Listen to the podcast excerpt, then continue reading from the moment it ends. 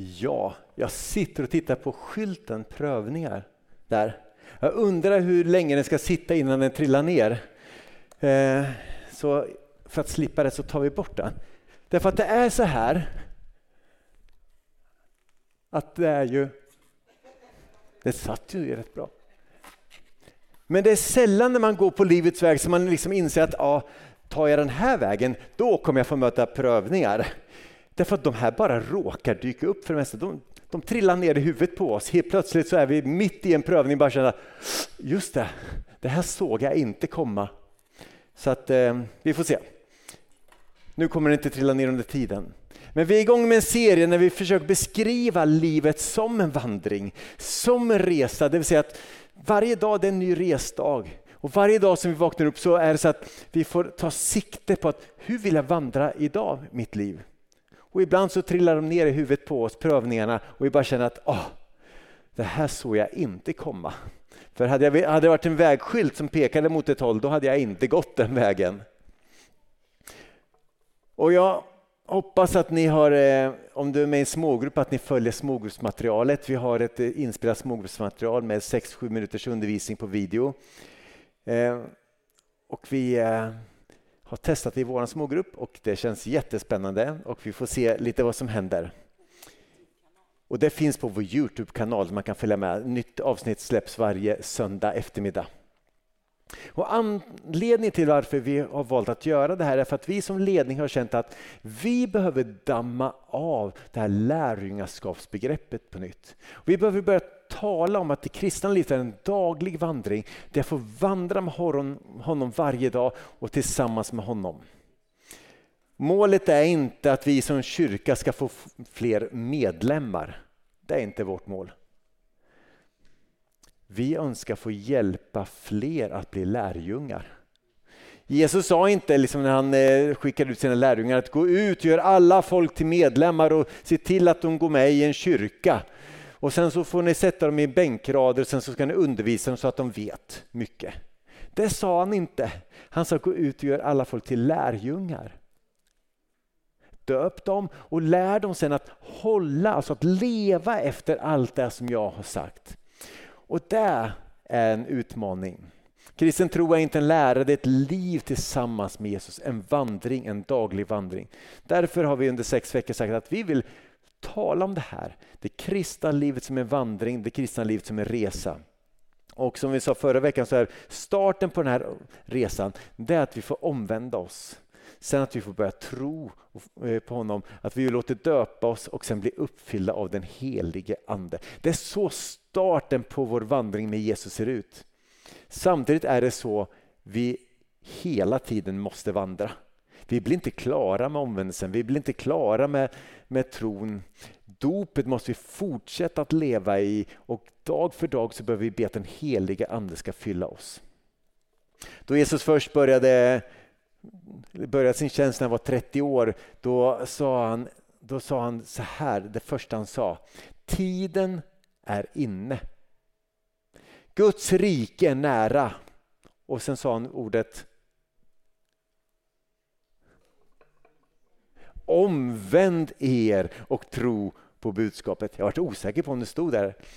Det var ingen kuggfråga utan att omvänd er. Omvänd er och tro på budskapet. Han förkunnade glada budskapet, evangelium, att Guds rike är nära och sen sa han att hörni, det är snart här, så omvänd er.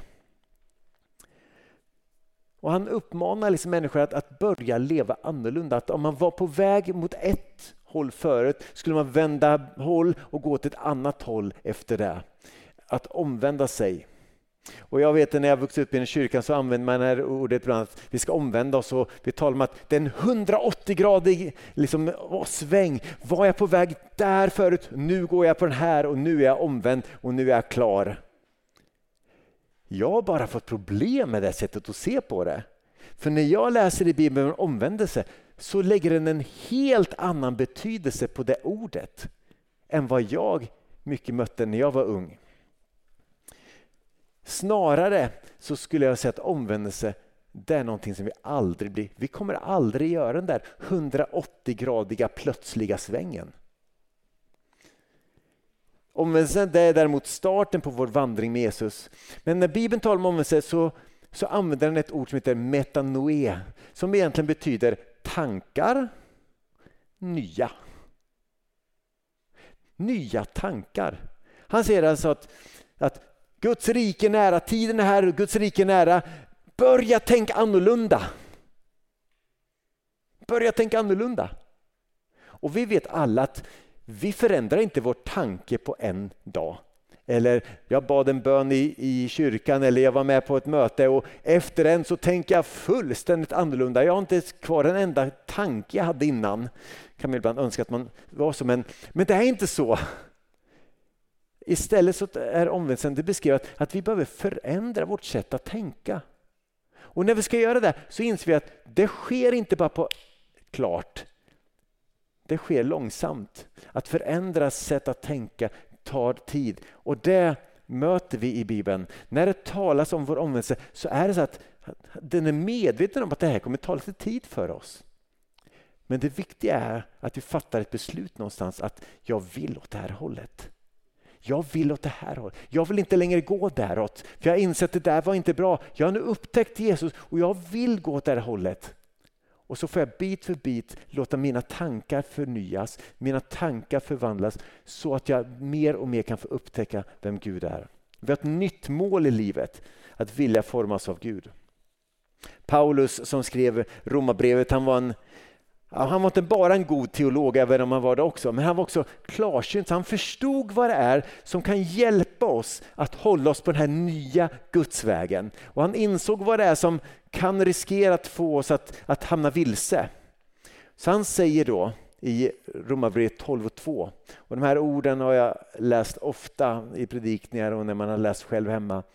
Han säger så här, anpassa er inte efter den här världen utan istället säger han att, så säger han att vi ska omvända oss. Eller han använder orden att utan låt er förvandlas genom förnyelsen av era tankar. Det är precis det vad omvändelse betyder. Så att ni kan avgöra vad som är Herrens vilja, alltså vad hans tankar är. Vad som är gott, fullkomligt och som behagar honom. Så det är som att Paulus säger att hörni, jag vet att det kan vara svårt att göra den här eh, omsvängningen helt och hållet. Men om ni har satt en ny, ett nytt mål i ert liv, då, då vill han, Gud, förvandla er. Så låt er förvandlas. Hur då? Jo, genom att våra tankar förnyas. Omvändelsen det är inte någonting som vi då blir klara med efter vi har bett en bön på ett möte, utan omvändelsen är starten på vår resa tillsammans med honom. Och vi kommer aldrig längre lämna den bakom oss. Jag behöver omvända mig varje dag. Jag behöver se till att mina tankar får bli Guds tankar. Att förvandlas genom förnyelsen av våra tankar. Att vi dagligen får vända oss till honom och säga Gud, hjälp mig idag att gå på din väg. Ge mig dina tankar. Ge mig ditt sätt att se på dig, ditt sätt att se på mig och ditt sätt att se på livet och människor. Och så här har det liksom eh, alltid varit. Och för många av oss är det här en utmaning därför att vårt sätt att tänka kolliderar ofta med världens sätt att tänka. Och hur man tänker som när man inte känner Jesus. Och så har det alltid varit. Då Nya Testamentet skrevs så levde de i en kultur där kvinnor och barn ansågs vara lägre stående än män. En kvinna sågs i den grekiska kulturen som en halv människa. Det var en halv människa. Det var inte en full, full liksom värdig, utan det var mindre värd, hälften värd. Och barn sågs innan man visste att de skulle överleva till vuxen ålder så ansåg man att, att de är inte riktigt att lita på. Så man, I den grekiska kulturen så lät man inte ens sina barn ärva förrän man visste att de var vuxna och kunde klara sig och var ordentliga. Och tyckte man att sina barn hade gjort fel då lät man någon annan ärva. För att barnen inte var så mycket värda. Och in i den världen så kom de kristna och började tala om en Gud som älskar alla lika mycket. Att vi idag hyllar jämställdhet, tjänande, ödmjukhet, generositet och att vi sätter alla människors lika värde högt. det är resultatet av att kristna har fått ett nytt sätt att tänka. Och kristnas nya sätt att tänka kommer att påverka samhället. Men det innebär inte att samhällen eller länder kan bli kristna, för det kan de inte. Men kristna, eller Guds barn, som låter sina tankar förnyas och förvandlas, kan påverka och sätta en ny standard. Och att vi i västvärlden har mycket av de här tankarna, det är tack vare att människor har upptäckt Jesus och sagt att jag vill omvända mig. Jag vill få dina nya tankar in i mitt liv.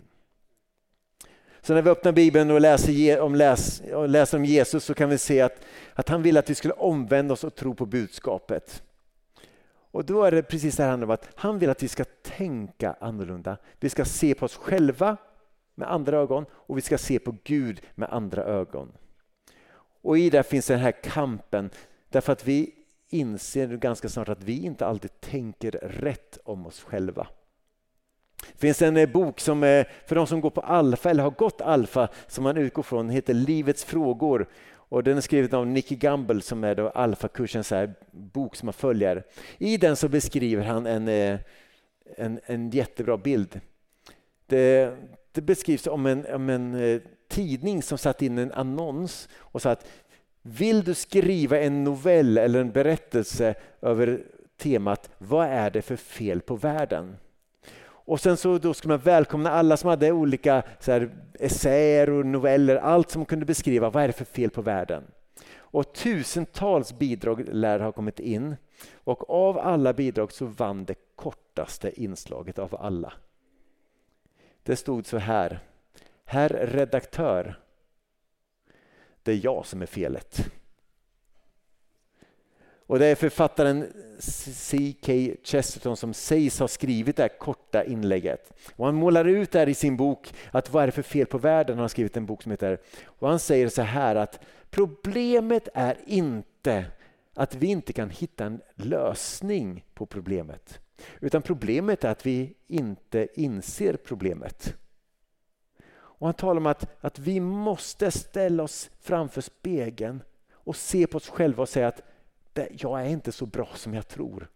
Det finns mer av mig av felaktiga tankar än vad jag hoppas att det ska finnas.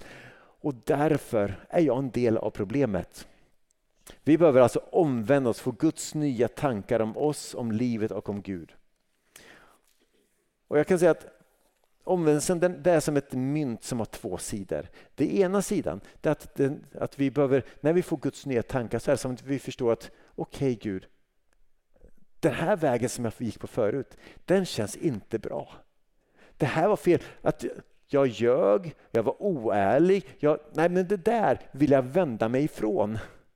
Och sen så istället så inser jag att det finns en väg av sanning, av rättfärdighet. Den vill jag gå på istället. Så den ena sidan är att, att jag inser att det finns saker i mig som inte är bra och jag erkänner det. Precis som det står här att, att jag bara inser att Gud, jag är felet.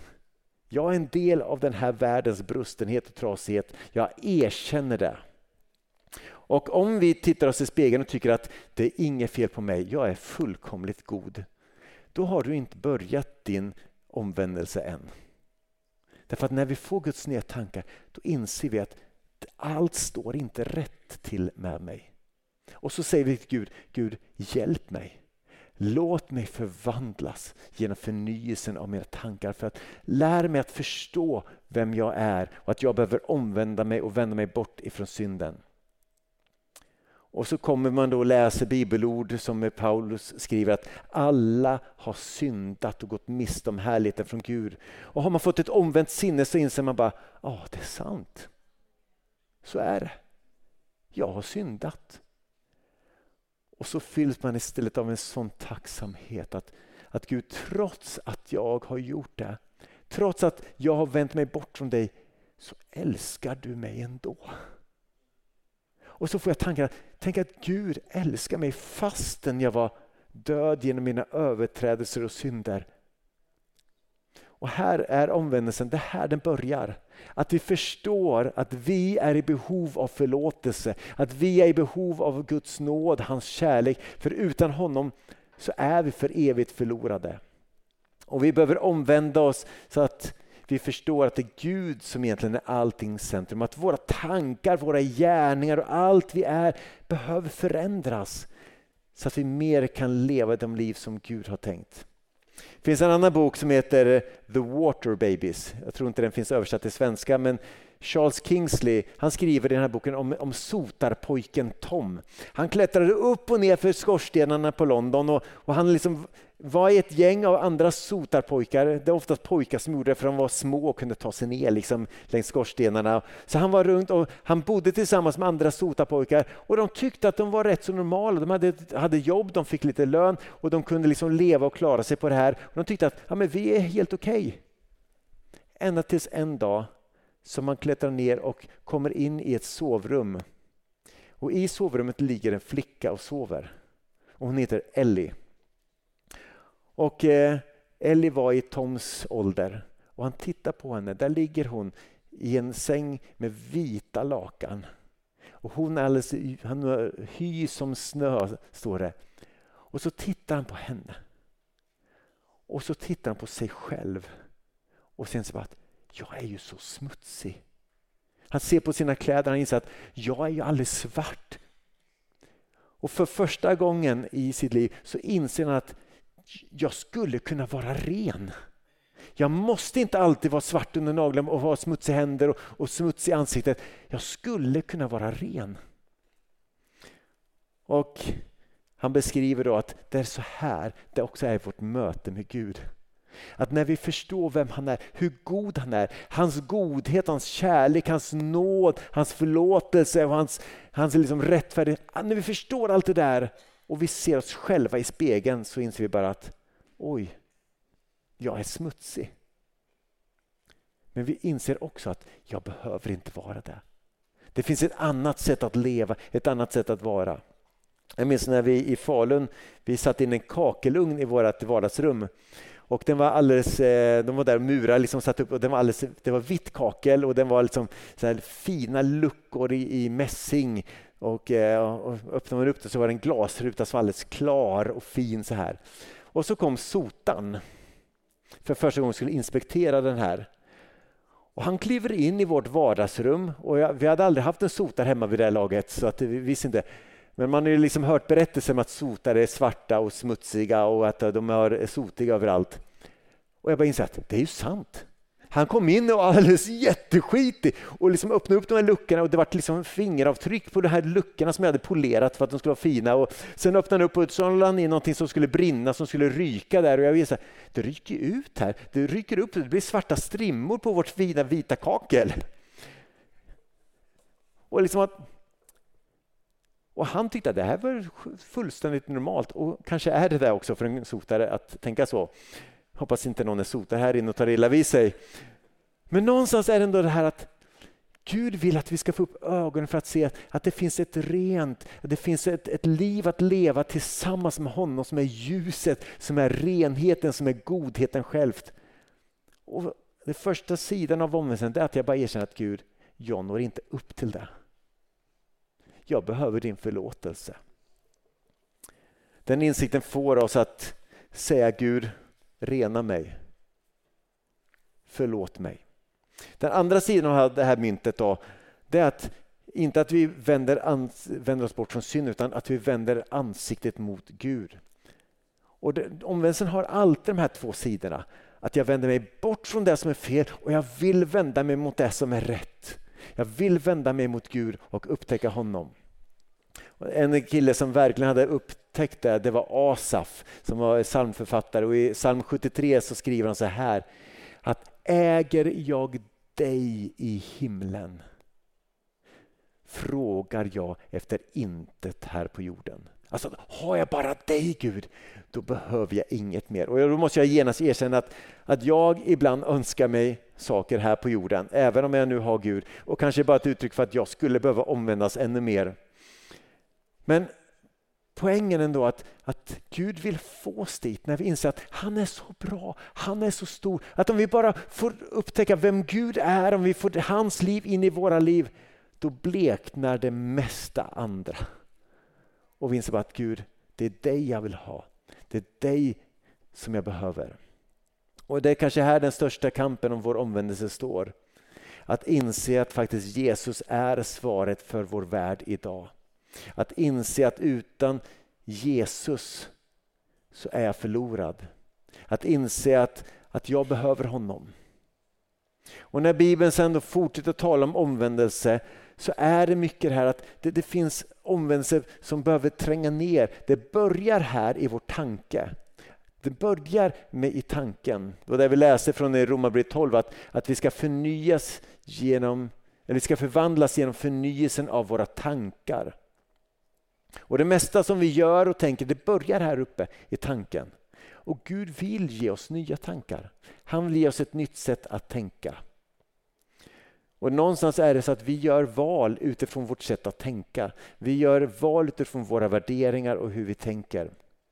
Och därför är ordet, bönen, gudstjänsten, att samtala med varandra om Gud, det är viktiga komponenter för att vi ska kunna omvändas. För tankarna kommer inte så. De kommer sakta genom att vi får möta Gud och vi får möta honom i hans ord. Så vi behöver se till att omvändelsen sker i, i vår tanke.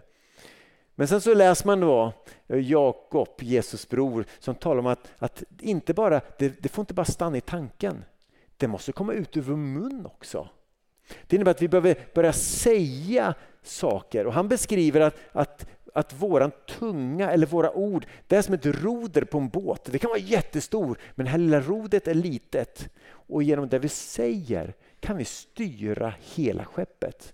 Och om man nu använder liknelsen av, eh, av vandringen så innebär det att, att vi kan gå på livet men ibland när vi uttalar, när vi säger saker att Gud, det här, så är det som att då, då, då liksom öppnas vägen upp och vi inser att det är den här vägen jag ska gå på. Wow! Därför att vår mun, det vi säger, har så mycket, eh, har så stor makt och så stor kraft. Jag vet inte om du har tänkt på det, men att jag minns flera ord som har sagts till mig genom mitt liv som har fastnat kvar. Känner någon igen sig? Att någon har sagt någonting till dig och du kan minnas det 10, 20, 30 år senare. Är det någon som... Ja, tack Sara. Ja, men, och det är så det är. Jag minns att min, min lärare Ulla Björk i skolan när jag gick i var det åttan eller nian jag, jag, satt, eh, jag satt långt bak och jag var kanske inte den tystaste på lektionen och jag hittade en liten broschyr om språkresor till England. Och så satt jag och bläddrade i den där språkresebroschyren och sen så kommer Ulla Björk och är lite sur på mig för att jag inte lyssnar på henne på lektionen. Och sen säger att du kan lägga bort den där, du kommer aldrig ändå att, eh, att lära dig engelska. De orden satt. Jag minns dem fortfarande. Och så kan det vara att någon har sagt någonting, någon har gjort någonting och det har liksom slagit in som en kil. Men jag minns också andra ord som har sagts som har fått bygga upp mig, som har gett mig... Jag vet att Åsa, när vi var ungdomar, då kom ofta att eh, Aki och Magnus Alfonsson här. De kunde lägga bibelord, eller så små ord på så små lappar som du bevarat i din bibel många, många år. För att de där orden betyder någonting. Och så är det med våra ord, att de har betydelse. Och våra ord formar också våra tankar. Och Jesus säger det så träffande, han säger att, att det hjärtat är fullt av, det talar munnen. Men jag skulle också vilja vända på det, att det vi talar ut kan också fylla våra hjärtan. Och Paulus säger att om vi, om vi bara med vår mun bekänner att Jesus är Herre och vi uttrycker det så händer det någonting med oss. Om vi bekänner att Jesus är Herre och i hjärtat tror att Gud har uppväckt honom från döden, då kommer vi bli räddade. Så tanke, omvändelsen behöver ske här i tanken men det behöver också påverka vad vi börjar säga om oss själva och om Gud. Och därför är tillbedjan en så viktig del, att vi får uttrycka vår tillbedjan med ord, berätta vem det är vi tror på, för det händer någonting också i oss då. Och Det tredje sättet som Jakob återigen då gör en väldigt stor sak över. Han säger att tron måste vändas i handling. Att omvändelsen behöver få händer och fötter. Det, behöver, det får inte bara stanna här och att jag, vad jag pratar om, utan omvändelsen måste få händer och fötter och bli handling. Och Han säger lite kaxigt och så här, Och han eh, talar till församlingen där och säger att visa mig er tro utan gärningar så ska jag med mina gärningar visa er min tro. Eller man skulle kunna säga att, att om ni tycker att ni omvänt er, låt mig då få se på er att det är så. Låt mig få se era, er omvändelse i, o, eller i handling.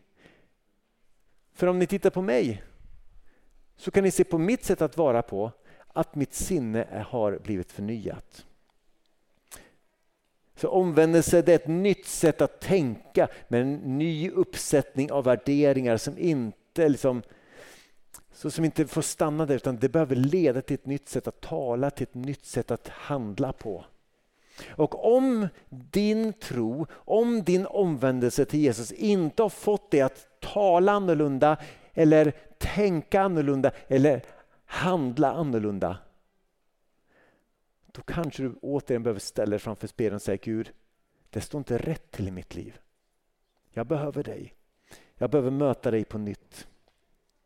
Och vi inser någonstans att när vi omvänder oss så är det bara på grund av att han har öppnat vägen. Egentligen är det det som korset handlar om. Det är det som nattvardsbordet handlar om. Att, som säger att, att Gud som säger att jag vet att ni har gått vilse, att ni fixar inte det här själva. Korset handlar om att, att jag vet att ni har vandrat bort från mig, att ni, att ni har synd som skiljer er från mig. Det är därför jag har kommit hit. Och Det är därför som Johannes och eh, Petrus kallar Jesus för vägvisaren till livet. Och när vi nattvarden får, får möta Jesus så är det, kommer vi till honom som säger att jag är vägen, sanningen och livet.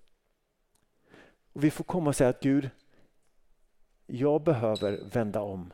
Och det är bara hos dig som jag hittar rätt. Det är bara där som jag hittar rätt. Korset handlar om det. Korset är den största vägvisaren av alla. Och Det är där vi får se Gud, men får också se vår egen synd. Omvändelsen det är både ett beslut som vi fattar att jag vill det här nu. Men omvändelsen är också ett resultat av att vi umgås och vandrar med Jesus. Den kan börja på en dag och säga att Gud idag vill jag omvända mig till dig. Jag vill tro på dig, jag vill formas av dig. Men det är bara början. Nästa dag får jag säga Gud, jag vill fortsätta att formas av dig. Jag vill fortsätta att vandra med dig. Och nästa dag och nästa dag så får vi fortsätta och det är då som förnyelsen av våra tankar kan börja. Det sker inte över en natt, men Gud kan i våra liv göra någonting stort över en natt. För när vi väljer att säga att Gud, jag vill åt ditt håll, jag vill vandra åt dig, då tar han mig upp i sin famn och säger att nu är du mitt barn. Jag förlåter dig.